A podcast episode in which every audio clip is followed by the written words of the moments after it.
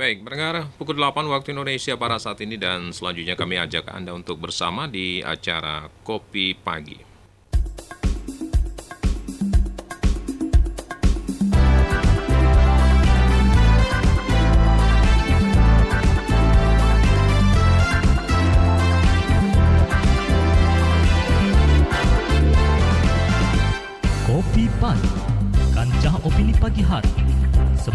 Acara yang mengupas tuntas opini yang berkembang dan menjadi viral di media sosial. Acara ini terselenggara atas kerjasama Radio Republik Indonesia Ranai dan Dinas Komunikasi dan Informatika Kabupaten Natuna. Selamat mendengarkan Kopi Pagi.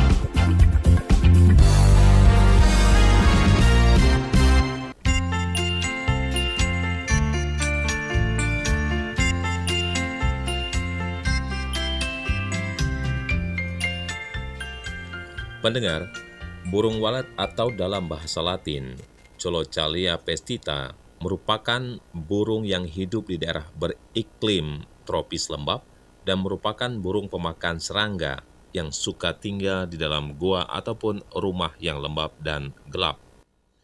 Sarang walet yang berasal dari air liur burung tersebut memiliki banyak manfaat kesehatan, sehingga harga sarang walet sangatlah mahal dan diekspor ke negara-negara luar. Mengingat harga sarang walet yang mahal tersebut, banyak masyarakat di Indonesia melakukan pembudidayaan walet dengan membuat rumah atau gedung bertingkat untuk dijadikan tempat atau habitat burung walet, sehingga tidak heran jika kebutuhan ekspor sarang walet 75 persennya dipenuhi dari Indonesia. Hal ini menandakan bahwa Indonesia memiliki prospek yang besar terhadap budidaya walet. Namun di balik itu semua, budidaya burung walet juga dapat menimbulkan dampak lingkungan dan gangguan terhadap kesehatan. Sebagaimana kita ketahui, budidaya sarang walet ini juga berkembang dengan pesat di Kabupaten Natuna. Sosialisasi peraturan daerah atau Perda nomor 3 tahun 2013 tentang pedoman pengelolaan pengusahaan sarang walet serta tata cara pemungutan pajak sarang burung walet perlu dilakukan agar pembangunan sarang burung walet sesuai dengan rencana tata ruang wilayah Kabupaten Natuna serta turut meningkatkan pendapatan retribusi daerah. Salah satunya dengan menarik pajak usaha budidaya sarang burung walet. Oleh karena itu, kesadaran dari pengusaha sarang burung walet dalam menjadi wajib pajak sangat diharapkan. Sebagaimana telah diatur dalam Undang-Undang Nomor 28 Tahun 2009 tentang pajak dan retribusi daerah. Tak lupa peran serta Satpol PP selaku penegak perda sangat diharapkan dalam mencarikan solusi dari permasalahan tersebut. Menyikapi kopi pagi hari ini, beberapa keresahan dan pertanyaan timbul di masyarakat. Benarkah demikian? Kopi Pagi edisi hari ini Jumat tanggal 10 Juli 2020 akan coba membahasnya untuk Anda.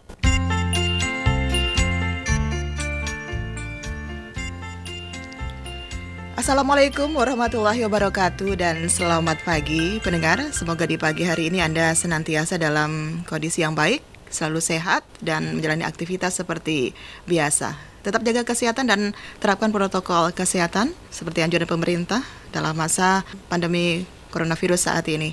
Dan pendengar kembali di pagi ini hari Jumat tanggal 10 Juli 2020, saya Yuspianti akan bersama Anda hingga pukul 9 di acara Kanca Opini Pagi Hari kerjasama Diskominfo Kabupaten Natuna dan LPP RRI Ranai. Dan pagi ini kita mengangkat satu tema tentang dilema sarang walet di Natuna. Dan untuk mengupas hal tersebut kita akan bersama narasumber kita yaitu di antaranya Ketua Komisi 3 DPRD Kabupaten Natuna, Bapak Rusdi, dan juga Kepala Dinas Lingkungan Hidup Kabupaten Natuna, Boy Janarko, serta Kepala Dinas Penanaman Modal Pelayanan Terpadu Satu Pintu, Indra Joni, kemudian Sekretaris Badan Pengelola Pajak Retribusi Daerah, Ahmad Sofian SE.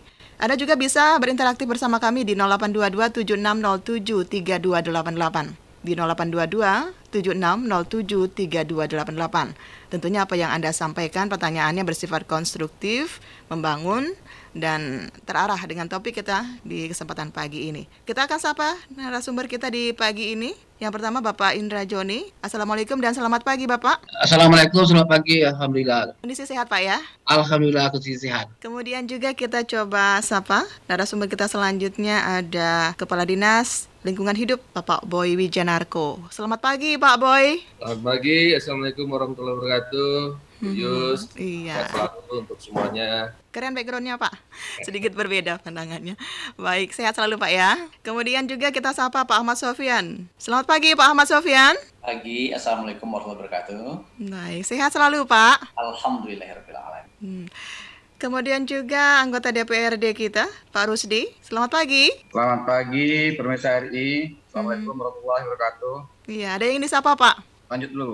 Lanjut, baik. Kita langsung ke pertanyaan kita kepada Pak Indra Joni. Pak Indra? Ya, Iya, saat ini kalau kita lihat perkembangannya minat masyarakat untuk membangun usaha sarang burung walet cukup pesat ya Pak ya di Natuna. Dan pastinya banyak masyarakat yang juga ingin tahu nih bagaimana prosedur perizinan yang benar untuk pengurusan kepemilikan sarang burung walet ini Pak. Assalamualaikum warahmatullahi wabarakatuh. Waalaikumsalam. Selamat pagi, salam sejahtera buat kita semua. Hmm. Selamat pagi kepada seluruh pendengar pemirsa RI di mana saja berada. Yang saya hormati Ketua Komisi 3 DPRD Kabupaten Natuna, Bapak Rusdi. Yang terhormat Bapak Poi Wijanarko SE selaku Kepala Dinas Lingkungan Hidup Kabupaten Natuna. Yang saya hormati eh, Bapak Ahmad Supian, Sekretaris Badan Pengelolaan Pajak dan Retribusi Daerah Kabupaten Natuna, Bapak Ibu pejabat Kominfo Kabupaten Natuna, pejabat RI dan seluruh pendengar yang berbahagia di mana saja berada. Syukur Alhamdulillah Tuhan Yang Maha Kuasa. Sebelumnya kami ucapkan terima kasih kepada Dinas Kominfo Kabupaten Natuna dan LPP RRI Ranai yang telah memberi kesempatan kancah opini pagi hari. Opini pagi. Guna menjawab dan menanggapi opini, isu dan aspirasi yang berkembang di tengah masyarakat. Iya. Eh, burung walet kalau kalau kalian pestita sesuai keputusan Menteri Kehutanan dan Perkebunan itu nomor 49 tahun 2000 tahun 1999 ini adalah burung satwa liar yang tidak dilindungi yang masuk dalam marga Coccoloccolia. Uh, untuk pengelolaan pengusahaan sarang burung walet uh, untuk pelaku usaha di kita di Ranai di Bunguran Timur dan juga di Kabupaten Natuna. Itu kita lihat itu banyak dan termasuk juga yang berkonsultasi kepada kita Dinas Penanaman Modal Pelayanan Terpadu Satu Pintu. Mhm. ini juga ada. Tetapi untuk saat ini data kami berkaitan dengan eh, izin usaha pengelolaan sarang burung walet ini izinnya itu memang belum ada. Belum ada yang keluar Mhm. untuk pengelolaan sarang burung walet. Yang akan berurusan yang konsultasi itu ada Mhm. Selanjutnya berkaitan dengan usaha pengelolaan sarang burung walet. Yang pertama itu pelaku usaha masuk ke sistem online single submission, Mhm. yaitu websitenya itu WWS OSS atau dapat juga dipandu oleh uh, petugas kita di PTSP. Ini berdasarkan peraturan pemerintah nomor 24 tahun 2018 tentang pelayanan perizinan berusaha terintegrasi secara elektronik ini berlaku secara nasional Mhm. semua daerah di seluruh Indonesia. Berarti untuk daerah belum bisa memberikan izinnya ya Pak ya? Eh, izin ini diterbitkan oleh lembaga OSS ini bertindak untuk atas nama Mhm. yaitu menteri dalam usahanya itu berada di banyak provinsi secara nasional ataupun juga ada usaha milik modal asing. Nah setelah mendapatkan izin tersebut apa disampaikan ke dinas Bapak Pak? Iya, dia ada usaha tersebut juga yang ada di kabupaten ini dikeluarkan oleh lembaga atas nama bupati. Nah syarat-syaratnya agar mendapatkan izin tersebut apa Pak? Syarat-syarat untuk mendapatkan izin tersebut ini yang pertama eh, pelaku usaha itu eh, masuk kepada sistem online single submission Mhm. untuk mendapatkan nomor induk berusaha. Mhm. Selanjutnya itu kepada pelaku usaha ini akan diberikan apa eh, pemenuhan komitmen. Pemenuhan komitmen yaitu yang pertama itu adalah izin lokasi. Mhm. Jadi izin lokasi ini dalam pemberian izin itu itu akan menyesuaikan di apa RT RW Kemudian? Dinas PU Mhm. eh, berkaitan dengan eh, peraturan daerah mengenai rencana tata ruang wilayah tepatnya itu untuk wilayah permukiman dan juga wilayah perkebunan ataupun pertanian. Mm-mm. Itu cocoknya ini wilayah pertanian dan juga wilayah perkebunan. Mm-mm. Eh, selanjutnya juga eh, rekomendasi kesesuaian RT RW kabupaten dari bupati yang disetujui oleh gubernur Mm. dan juga penyesuaian daripada RT RW peternakan provinsi yang ada di kabupaten kota sesuai dengan RT RW provinsi. Mm-mm. Eh, selanjutnya itu pelaku usaha itu mengurus izin lingkungan. Pelaku usaha melengkapi eh, izin lingkungan dalam UKP UPL ataupun juga SPPL. Yang mana ini nanti akan diverifikasi dinilai kelayakannya oleh Dinas Lingkungan Hidup Kabupaten. Mm-mm. Tepatnya ini nanti dinasnya Pak Boy Wijanarko dan ini juga sesuai dengan tupoksi mereka. Mhm. Eh, tentunya juga regulasi ini tentu mereka akan mengacu juga kepada peraturan Menteri Lingkungan Hidup dan Kehutanan eh, RI. Mm-mm. Itu berkaitan penetapan jenis rencana usaha atau kegiatan Mm-mm. yang memiliki AMDAL ataupun juga UKP UPL. Mm-mm. Ya, dan juga setidaknya juga tentu mereka mengacu juga kepada Pergub nomor 85 tahun 2018 tentang dokumen lingkungan hidup dan juga izin lingkungan hidup. Demikian Pak ya. Yang ke- ya, yang ketiga itu eh, izin mendirikan bangunan. Mm-mm. Jadi ini nanti direkomendasikan oleh tim teknis dari Dinas Perkim Kabupaten dengan menggunakan ini aplikasi dari Kementerian PU. Mm-mm. Jadi ini aplikasi ini adalah SIBG, Mm-mm. Sistem Informasi Manajemen Bangunan dan Gedung, Mm-mm. yaitu informasi eh, terintegrasi yang digunakan untuk penerbitan IMB dan juga sertifikat layak fungsi Ya. yang mana ini terverifikasi dan juga oleh tim teknis dari Dinas Perkim. Nah, setelah semua syarat tersebut tersedia, berarti dinas Bapak bisa memberikan suatu rekomendasi begitu terkait izin tersebut, Pak?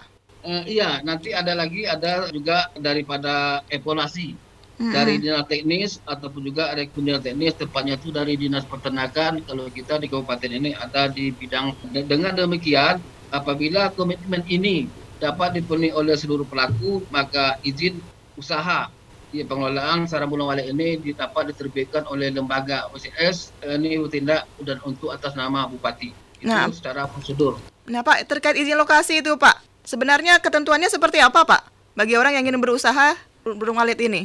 Ya, jadi eh, untuk izin lokasi pelaku usaha ini berkoordinasi ataupun juga sini tempatnya ini berkaitan dengan apa RT RW Mm-mm. yaitu merujuk pada peraturan daerah mengenai rencana tata ruang wilayah. Apabila ini rekomendasi dan menyetujui dan inilah nanti izin lokasi ini akan ditandatangani oleh Bapak Bupati. RT RW-nya melalui izin lokasi ini melalui izin mana, Pak? Dinas Bapak atau dinas lain? Ini apa diapakan oleh Dinas PU, Mm-mm. disetujui oleh Dinas PU sesuai dengan RT RW dan nanti akan disetujui oleh Bapak Bupati. Iya, baik. Kita ke Boy Wijanarko, Pak. Baik, Assalamualaikum warahmatullahi wabarakatuh. Selamat pagi dan salam sejahtera untuk kita semua. Mhm. Yang saya hormati Ketua Komisi 3 Pak Rusdi dan Pak Iwan ya ada di situ tadi.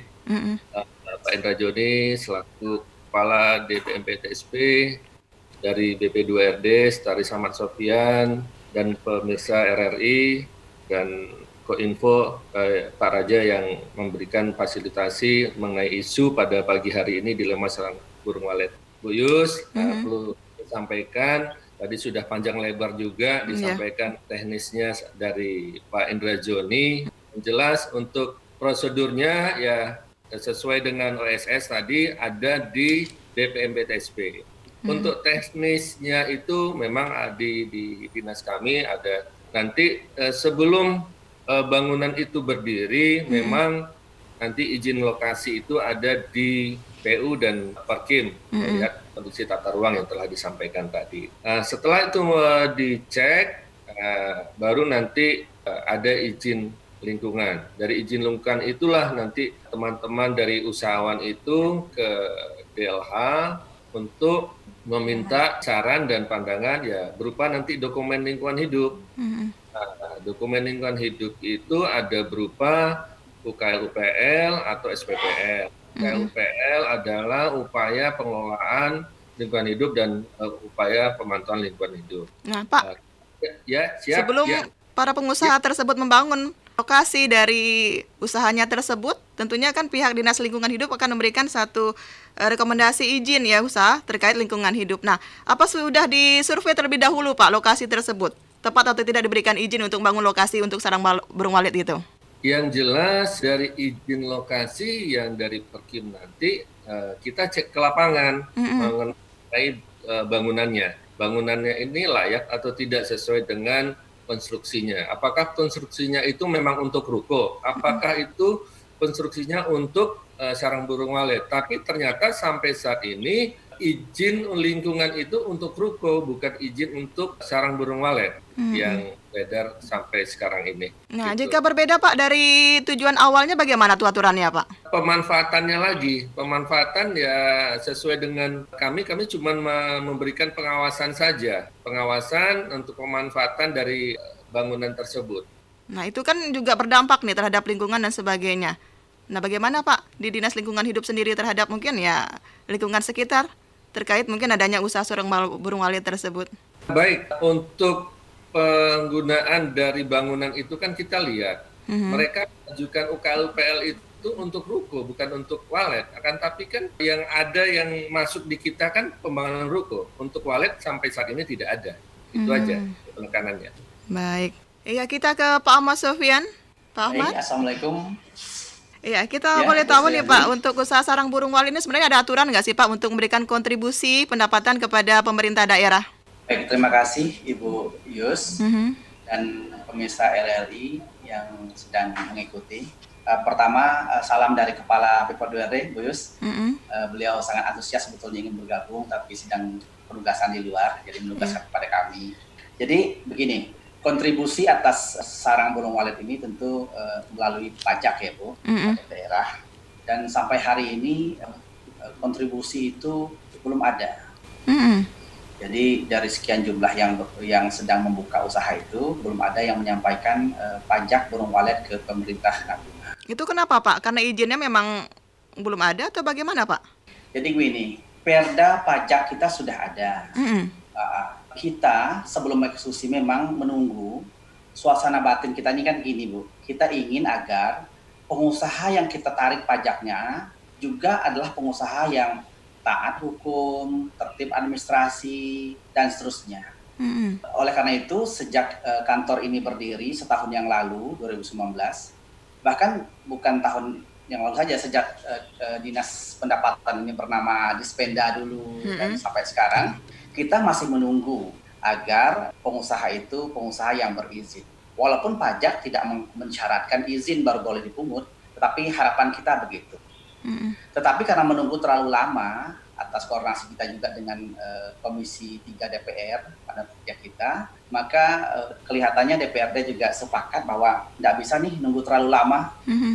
Maka kita juga ber, uh, apa, membandingkan dengan pelaksanaan di daerah-daerah lain, baik di Sumatera, di Kalimantan, di Kepri dan seterusnya, eh, beberapa daerah memang punya kemiripan dengan kita, yeah. termasuk soal izin ini. Mm -hmm. Maka kita didorong untuk uh, sudah kita tidak bisa menunggu terlalu lama, kita harus eksekusi mm -hmm. karena usaha walet terus berkembang. Mm -hmm izin tidak berkembang. Mm -hmm. Jadi kita tidak bisa menunggu terlalu lama. Karena itu yang kita lakukan sekarang adalah uh, untuk alat eksekusinya kita susun perbuk tentang tata cara pajak ini sudah kita susun sekarang sedang proses harmonisasi lah di uh, bagian hukum uh, bupati kita mm -hmm. dan sambil itu jalan kita sudah data seluruh uh, usaha walet di Natuna jadi siapa saja yang berusaha, jumlahnya berapa, alamatnya di mana, yang punya siapa dan seterusnya sudah kita data. Mm-hmm. Dan insya Allah begitu perbuk ini selesai, kita laksanakan sosialisasi pelaksanaan ini sebelum eksekusi karena ini kan pajak baru dan jenis usaha baru bagi uh, peraturan perpajakan kita kan, Bu. Kira-kira kapan aturan Maka, itu akan diluncurkan, Pak?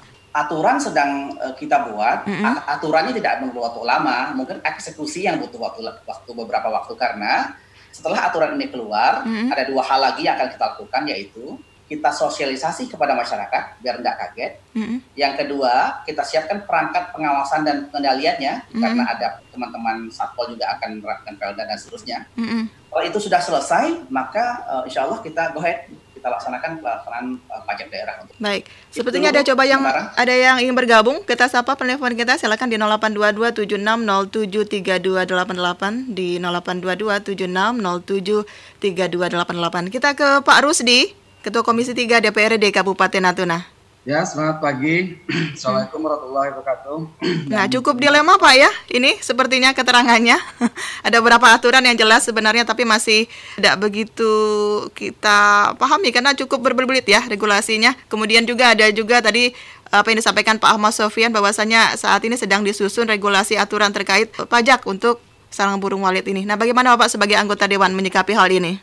Oke, terima kasih pada RI dan yang saya hormati Pak Indra Joni. Oh, Pak, sebentar Pak, ada yang ber coba bergabung. Halo, selamat pagi. Assalamualaikum. Waalaikumsalam. Dengan siapa di mana Bapak? Ini dengan Putra Cemaga nih Bu. Dengan Putra Cemaga. Iya. Ya. Silakan Pak Putra. Ada pertanyaannya? Uh, hanya satu aja Bu. Mm -hmm. Kita di di pada intinya kita di masyarakat ini kan yang yang telah terjadi baru kita sibuk kan. Mm.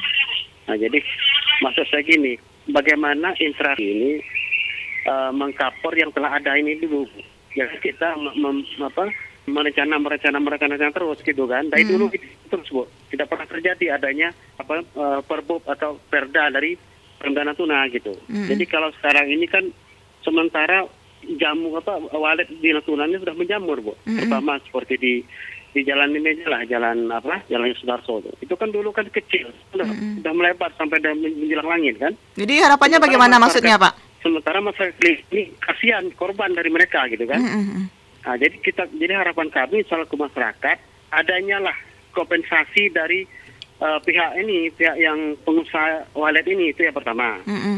Yang kedua ada interaksi cepat dari dari pemerintah. Mm -hmm Nah, itu harapan kami. Jadi kalau kalau kalau kita hanya mengomong ngomong ngomong ngomong ini ini, ini terus Perda itu ini ininya sementara ini sudah berjalan, yeah. mereka sudah untung double miliaran. Jadi apa apa apa apa income untuk untuk usaha untuk tuna Baik. Nah, Demikian Pak. Jadi jadi, jadi penekanan dari dari saya selaku masyarakat mm -hmm.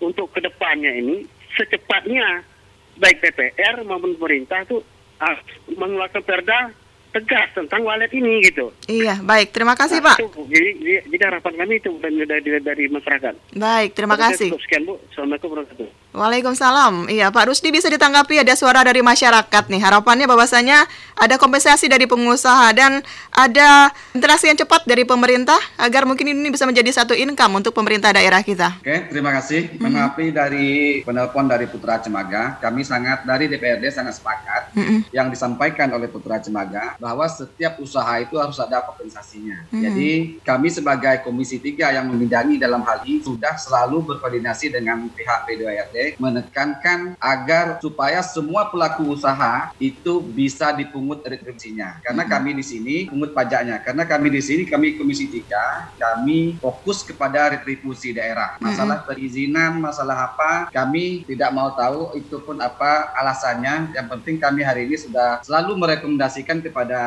BP2RD agar sesegera mungkin semua pelaku pajak usaha ataupun sarang burung walet yang sudah berdiri agar segera segera dipungut pajaknya. Ini sudah Kami diajukan ke Komisi 3, Pak. Gimana? Hal ini sudah diajukan ke Komisi 3 sebenarnya. Komisi 3 bu bukan masalah sudah diajukan, sudah sering kami rapatkan dengan BP2RD, dengan Sinan agar langkah-langkah yang kita harapkan segera terrealisasi gitu. Mm -mm, baik. Baik pendengar nanti kita akan uh, berbincang-bincang lagi dengan narasumber kita terkait tema kita di kesempatan kali ini. Namun sebelumnya kita break sejenak dengan satu tembang manis berikut ini.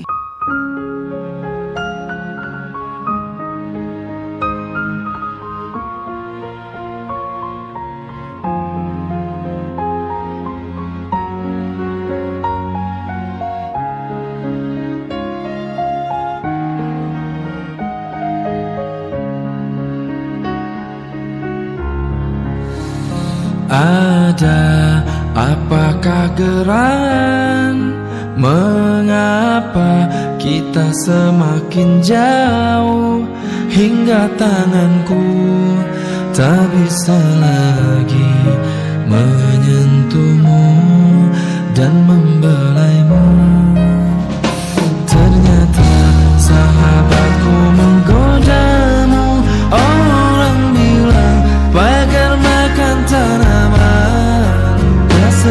kawan Tak malu-malunya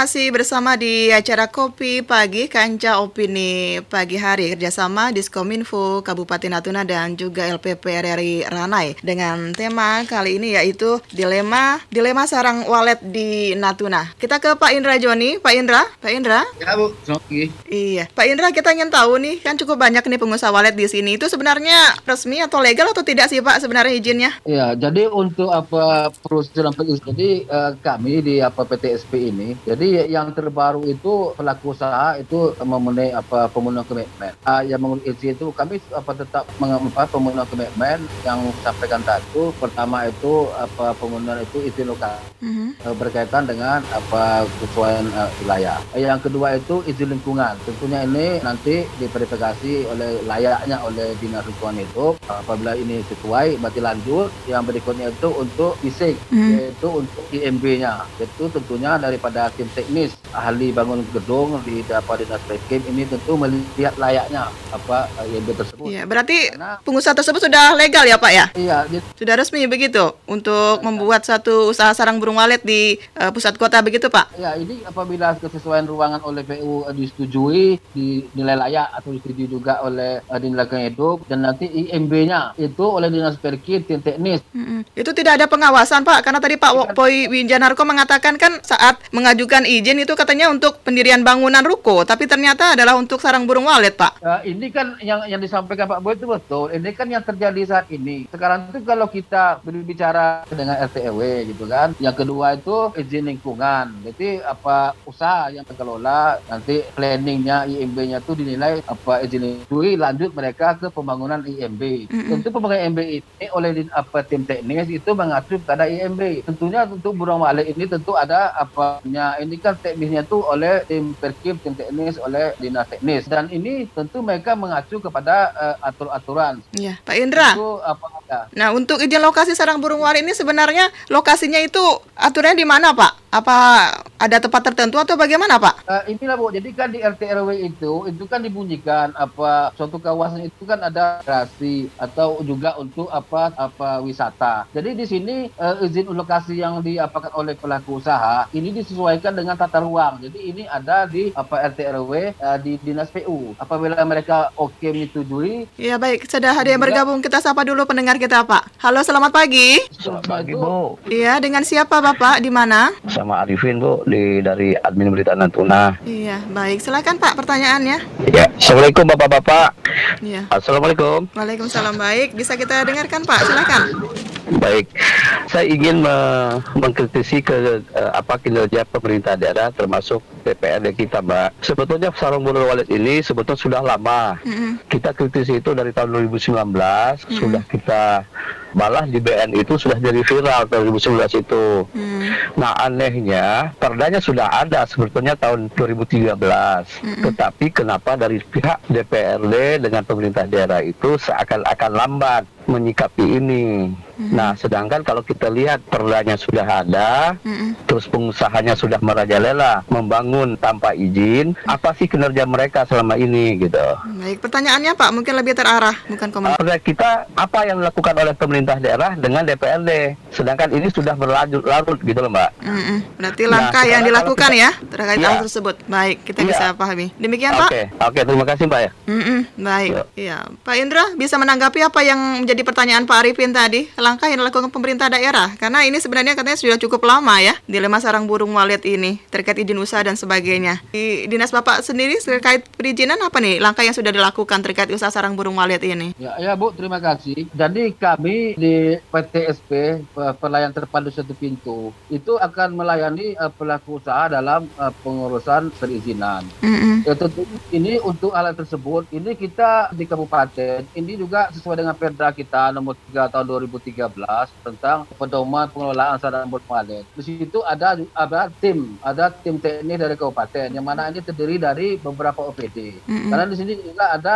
uh, dinas pekerjaan umum, ada Perkim, ada dinas kesehatan. Ini berkaitan dengan apa dampak lingkungan secara kesehatan. Mm-hmm. Termasuk juga dinas lingkungan hidup. Kita di sini juga ada keterkaitan lagi daripada uh, peternakan ini adalah di dinas pertanian. Mm-hmm. Yeah. Uh, dan juga tentu pemerintahan setempat yaitu ada kades, ada lurah, ada camat, termasuk dalam penegakan perda ini ada satpol pp. Jadi tim ini dalam apa tim tim usul uh, kabupaten ini uh, bersama-sama. Jadi apa komitmen ini bersama-sama ini dan juga nanti didukung oleh DPRD ini ya kita sosialisasi uh, untuk perizinan ini eh, bagaimana uh, dapat berjalan. Jadi intinya para pengusaha tersebut sudah legal ya Pak ya, sudah sesuai ya terkait aturan izin untuk membangun usaha sarang burung walet tersebut di kota gitu Pak ya. Baik, kita beralih ke Pak Boy Wijanarko. Ada kendala teknis sepertinya. Pak Boy? Ya, Bu Yus. Ya, tadi Pak Rajoni kan menyampaikan bahwasanya ada beberapa dinas terkait juga yang mengatur perizinan dari hal ini, terutama juga dari Dinas Lingkungan Hidup ya Pak ya. Nah, itu tidak dicek tadi Pak, terkait ya izin untuk mendirikan bangunan tersebut di pusat kota begitu Pak. Peruntukannya awal proses itu kan izin lokasi yang sudah sampaikan, setelah itu nanti ada pertimbangan teknis tentang izin lingkungan berupa nanti ada dokumen. Jadi setelah ada izin eh, izin lokasi, memang langsung nanti ada tahapan untuk izin lingkungan berupa dokumen lingkungan tadi. Selama ini yang ada itu pemanfaatannya bukan untuk sarang burung walet, akan tapi ruko. Terus untuk untuk ruko akan tapi dalam pelaksanaannya kan kita belum pernah sama sekali untuk ada pertimbangan teknis untuk izin lingkungan berupa sarang burung walet tidak ada. Sampai saat ini tidak ada. Karena kita melihat lagi tadi yang disampaikan para dari pemirsa pemirsa dari bicara dari beberapa orang tadi menyampaikan hmm. memang harus ada win-win solutionnya. Solusinya seperti apa? Salah satu tadi Perda, Perda nomor 3 2013 tentang pengaturan. Di pengaturan itu salah satu ada pasal tata caranya, ada di uh, pasal 6-nya mengenai perda tersebut ada berapa dinas teknis yang terkait. Hmm. Saya melihat selama ini uh, dulunya saya pernah juga di, di, di Spenda ada usahawan, kan pembantu sarang burung walet. Kita sampaikan, bukan kami tidak mau terima, akan tapi proses dulu izin. Apabila kami terima, itu nanti dampaknya dalam uh, aturan regulasi PAD. PAD itu ada pendapatan daerah, ada berupa Pak 11 pajak daerah, termasuk yeah. pajak sarang burung walet. Mm -hmm. Nah, yang kami khawatirkan kalau kita tarik, sedangkan beliau belum melakukan izin, ini kan nanti pengembalikan, pengembalian temuan. Mm -hmm. Makanya itu sarankan izinnya dulu diproses. Mm-hmm. Setelah kita lihat, ternyata itu di Perda nomor 3 2013 itu salah satunya 100 meter di uh, permukiman penduduk. Akan tapi ini kan jaraknya bukan 100 meter lagi, mm-hmm. sangat dekat. Makanya itu saya sampaikan kita harus bersama mencari solusinya seperti apa mm-hmm. supaya kita ada memberikan dampak yang positif dalam arti ya mengangkat PAD tadi dari pajak uh, sarang burung walet yeah. Nah, itu tadi. Bagaimana kita bersama-sama kolaborasi untuk menyelesaikan ini semua. Itu itu aja kalau saya melihat seperti itu, Mbak. Mm -hmm. Yes. Iya baik Pak Ahmad Sofian, Pak Ahmad Sofian. Ya, Bu Yus. Iya, tadi sudah kita dengarkan paparan dari Pak Indra Juni dan juga Pak Bawi Janarko ya, butuh sesuatu yang jelas terkait perizinan. Nah, kita juga ingin tahu nih Pak, prospek dan prospek dari retribusi sarang burung walet ini jika diberdayakan secara optimal itu seberapa besar bagi pendapatan daerah sebenarnya? Baik, terima kasih Bu Yus. Jadi saya luruskan tadi uh, sekaligus menjawab pertanyaan dari uh, Bang Harun Nazar, Bang Arifin. Jadi yang kita maksud dengan regulasi yang sedang diproses itu adalah regulasi pajak gitu. Mm -hmm. uh, tentu saja kita tidak masuk ke wilayah regulasi izin dan seterusnya karena memang setahu kita regulasinya memang sudah ada. Mm -hmm. Perda nomor 3 2013 seperti yang disampaikan tadi. Nah, sedangkan yang kita ajukan perbuk itu adalah dalam rangka untuk mengeksekusi pemungutan pajak di Natuna sekalipun izinnya belum ada. Mm-hmm. Jadi gini, dulu kenapa kita lama walaupun usaha ini sudah berkembang, kita belum pungut-pungut seperti disampaikan oleh Pak Boy tadi. Memang ada uh, uh, masalah di sana. Kita inginnya pengusaha yang berizin, yang taat uh, hukum, tertib administrasi, itulah yang kita pungut pajaknya demi mm-hmm. tertib administrasi pemerintahan kita. Mm-hmm. Walaupun ketentuan perpajakan tidak mewajibkan itu. Uh, subjek pajak dari uh, usaha ini adalah pemungutan atau pengusahaan sarang burung walet. Hmm. Jadi kalau ada orang mungut, ada orang berusaha, dia subjek pajak. Tidak peduli dia ada izin atau tidak ada izin. Dalam konteks itu, maka timbul dilema bagi kita. Kita ingin tertib tapi tetap menunggu atau kita e, langsung saja eksekusi mm-hmm. atas koordinasi kita dan dukungan dari Komisi 3 DPRD kita maka pilihan kita adalah kita tidak bisa menunggu terlalu lama lagi kita ingin mengeksekusi segera karena itulah sebagai alat untuk mengeksekusi atas perda yang sudah ada, perda pajak kita ini perda nomor 1 2011 hmm. sudah mengatur tentang pajak e, walet ini, maka alat untuk mengeksekusinya kita butuh izin pemerintah daerah yaitu Perbuk. Begitu Perbuk itu keluar, maka dua tahap tadi karena kita sudah punya datanya sampai uh, hari ini, hmm. kita sosialisasi agar tidak timbul kekacauan saat eksekusi. Yang kedua, kita siapkan perangkat pengawasannya, hmm. karena biasanya setiap aturannya ada sanksi, kalau nggak diawasi kan nggak jalan, Bu. Yeah. Begitu sudah jalan, maka kita go ahead, kita laksanakan eksekusi sekalipun izin-izin itu uh, masih dalam proses. Terkait hal tersebut tahun ini bisa diterapkan itu Pak? Insya Allah tahun ini rencana kita akan diterapkan. Hmm, baik, kita ke Pak Rusdi. Ya, Bu Yus. Nah, tadi ada salah satu pendengar kita yang bergabung katanya ini sebenarnya sudah ada perbubnya nih Pak Rusdi. Nah, butuh ada satu langkah yang cepat katanya harapan dari masyarakat karena ini bisa menjadi satu income yang besar juga nih untuk daerah. Bagaimana menurut uh, Pak Rusdi sendiri sebagai anggota dewan? Oke, terima kasih. Kalau untuk perbuknya, setahu kami di Komisi 3 itu belum ada tuh mm-hmm. lagi diproses. Jadi hari ini sesegera mungkin kami telah merekomendasikan kepada BP2RT mm-hmm. agar hal ke depannya untuk di tahun ini kami memberi kepada PP2RT sesegera mungkin agar pajak sarang burung walet bisa dipungut. Kalau nanti sampai dengan batas waktu yang sudah kami sampaikan kepada BP2RT tidak bisa dipungut pajaknya, kami akan menindaklanjuti eh, sesuai dengan uh, Perda nomor 3 tahun 2013. Bisa saja kami minta untuk ditindaklanjuti dengan dengan penegak, para penegak perda bisa itu ditutup ataupun seperti apa regulasinya ke depannya. Itu hmm. tanggapan kami. Iya, jadi kita ke kita ke Pak Indra Joni. Pak Indra Joni. Iya Bu sini. Tadi ada beberapa hal yang disampaikan oleh Pak Boy dan juga Pak Mas Sofian ya terkait perizinan. Nah, bagaimana ada sanksi tidak sih Pak sekiranya memang orang mengajukan suatu izin satu tempat atau bangunan tapi ternyata tidak sesuai dengan tujuan yang pertama begitu Pak. Misalnya izinnya memang ya. untuk mendirikan bangunan tapi ternyata untuk sarang burung walet. Itu ada sanksi tidak Pak aturannya? Ya, itu uh, sesuai dengan tim ahli bangunan oleh dinas apa Perkim sesuai lagi dengan uh, peruntukan yang di, di, dikeluarkan itu IMB. Ya, tentu hal seperti ini yang juga tertulis apa tiga kali ya tentunya apabila tidak diindahkan dengan memfungsikan sesuai dengan izin yang dikeluarkan ini izinnya bisa dicabut. Hmm, demikian Pak ya. Iya. Iya, kita ke Pak Boy Wijanarko, Pak. Iya, Bu Yus. Iya, ini solusinya ya, Pak ya, karena sudah banyak nih terbangun gedung walet. Selamat pagi. Halo, selamat pagi. Assalamualaikum. Waalaikumsalam. Dengan siapa Bapak? Di mana? Ini oh, di, di Bukit Berangin. Bukit Berangin. Baik, Pak. Singkat Pak pertanyaannya kepada narasumber kita sesuai dengan tema, Pak. Nah, pertanyaannya eh, rumah bangunannya sudah terlanjur dibangun sebelum dapat izin. Ternyata bangunan itu di lingkungan masyarakat itu apa tindakan lanjutnya? Kita khawatir juga ada imbas daripada penyakit. Mm-hmm. Sebetulnya bangunan itu berapa jauh dari warga? Terima kasih. Assalamualaikum. Waalaikumsalam. Baik, bagaimana Pak Boy bisa menanggapi apa yang menjadi pertanyaan dari pendengar kita tadi? Kalau melihat dari Perda nomor 3 di bab 4 itu pasal 5 salah satunya di poin poin J-nya itu harus 100 meter di dari permukiman. Mm-hmm. Tapi sekarang ini kan sangat-sangat dekat di permukiman. Makanya tadi win-win solutionnya seperti apa? Apakah Perda ini harus ada turunannya artinya eh, dari 100 menjadi ini karena selama itu tidak dirubah memang untuk proses usahawan untuk melakukan proses izin ya tetap tidak bisa mm -hmm. kalau saya melihat seperti itu. Jadi memang harus uh, ada tindakan dan begitu juga di dalam uh, Perda nomor 3 itu uh, salah satunya ada berapa sanksi administrasinya seperti apa. Kalau saya seperti itu. Nah, dampaknya nih Pak, adanya sarang burung walet yang berada di tengah masyarakat atau terlalu dekat gitu ya pemukiman masyarakat tuh apa sebenarnya terhadap lingkungan Pak masyarakat sekitar? Ya paling dari kebisingan, kebisingan dari uh, suara.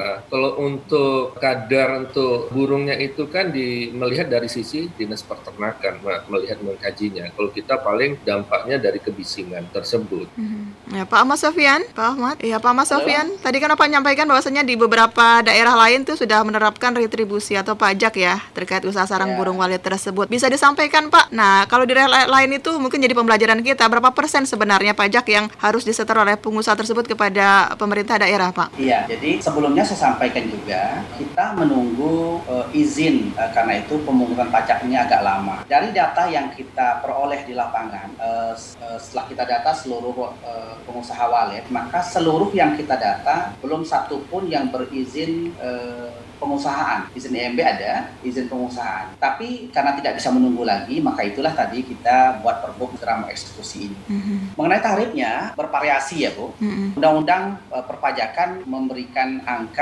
maksimal 10% dari uh, transaksi atau nilai jual. Jadi kalau hari ini satu kilo itu ketik saja harganya 11 juta, maka uh, 10% dari harga jual itu adalah uh, pajak untuk daerah mm-hmm. per kilo. Nah, uh, daerah bervariasi, ada yang daerah menerapkan angka maksimal, ada daerah menerapkan angka yang moderat, misalnya 5%. Dari perbuk yang kita buat, eh, kita eh, menerapkan angka 10% seperti hal yang diterapkan oleh eh, di Kalimantan, di Sumatera, angka itu yang dipakai. Mm Kira gitu. Baik, Pak Indra Joni. Saya, saya tambahkan sedikit, Bu. Mm -hmm. Halo, Bu. Ya, baik, saya silakan, Pak. Sedikit, mm -hmm. uh, sebelum kita tutup. Jadi, sambil menunggu uh, berjalannya izin dan berjalannya proses pajak, komunikasi kita lapangan pada pengusaha-pengusaha pajak yang kita data, hmm. kita uh, menghimbau dan kelihatannya direspon juga ya oleh beberapa pengusaha yang kita ajak diskusi. Mereka akan membentuk asosiasi uh, pengusaha walet Natuna kita berharap dengan terbentuknya asosiasi ini eh, bagi mereka dapat mempermudah komunikasi sesama mereka dalam rangka mempercepat perizinan dan seterusnya, mm termasuk komunikasi mereka dengan pemerintah daerah. Mm Bagi pemerintah daerah khususnya dalam hal perpajakan juga mempermudah kita untuk mensosialisasikan agar pajak daerah jenis baru ini dapat segera kita eksekusi dengan baik. Mm Kira begitu. Baik, Pak Indra Joni. Uh, ya, Bu. Ya, dari apa ya, yang disampaikan oleh uh, Pak Ahmad Sofian tadi bahwasanya saat ini yang didata itu baru izin mendirikan bangunan tapi belum izin usaha Pak. Nah ada solusi ke depan Pak agar hal ini mungkin bisa diketahui masyarakat terkait izin usaha sarang burung walet ini. Ya jadi apa kami jadi sekarang ini dengan apa izin itu dikeluarkan oleh lembaga OSS yang ada di tetap mengacu kepada komitmen yang harus dipenuhi. Jadi apa itu izin lokasi, izin lingkungan, IMB dan juga usaha pengelolaan walet. Apabila melewati, tetapi ini marilah kita bersama-sama kepada seluruhnya baik eksekutif, legislatif dan juga seluruh pelaku tidak di pintu di PTSP aja semua ada yang terkait yang kita sampaikan tadi eh, ada dinas kesehatan ada Pak Camat desa lurah termasuk juga satpol pp dan sama itu apa perizinan ini uh, agar dapat dipenuhi tentu izinnya keluar dan ini juga dapat menjadi pemasukan PAD. Baik Pak Boy Wijanarko. Ya. Yeah. Sebelum mengakhiri kebersamaan kita Pak mungkin ada yang disampaikan terkait tema kita kali ini. Pada prinsipnya yang disampaikan Pak Joni beberapa komitmen yang harus dipenuhi oleh usahawan. Pada intinya kami siap sangat membantu mereka untuk cek ke lapangan, nanti setelah itu membantu untuk memberikan saran dan pandangan berupa dokumen lingkungan hidup. Nah, di situlah menjadi dasar nantinya usahawan, usahawan itu proses ada legalitasnya menjadi legal untuk peningkatan PAD untuk Natuna ke depan. Seperti itu, Bu Yus. Baik, Pak Rusdi, Pak Rusdi. Ya. Baik, silakan Pak, closing statement kita untuk kesempatan kali ini di acara Kopi Pagi, Kancah Opini Pagi Hari. Oke, Oke, terima kasih. Di sini kami dari Komisi 3 menanggapi dari pada dilema burung walet ini meminta kepada dinas-dinas instansi terkait agar dan resah kan bisa selesaikan itu harapan kami dari Komisi 3. Ya, baik. Terima kasih kepada semua narasumber kita yang sudah berkenan ya bergabung bersama kita walaupun melalui virtual atau Zoom ya pagi ini terkait tema kita ya dilema sarang burung walet di Natuna. Semoga apa yang disampaikan bisa menjadi satu langkah-langkah yang tepat bagi kita ke depan dan bisa memberikan satu penjelasan bagi kita semua terkait usaha dan sebagainya. Saya Supianti mengucapkan selamat beraktivitas ya. Terima kasih banyak kepada semua narasumber kita. Kita jumpa lagi minggu depan di topik yang berbeda. Tetap bersama di 105,9 MHz dan menyaksikan di Facebook Diskominfo Kabupaten Natuna. Dan penanggung jawab acara dari tim Kopi Pagi Diskominfo Bapak Raja Darmika dan juga penanggung jawab LPPRI Ranai Bapak Apral Mismirawan Kepala Stasiun. Saya ucapkan terima kasih. Selamat pagi. Wassalamualaikum warahmatullahi wabarakatuh. Terima kasih telah mendengarkan Kopi Pagi hari ini. Nantikan Kopi Pagi edisi selanjutnya. Sampai jumpa.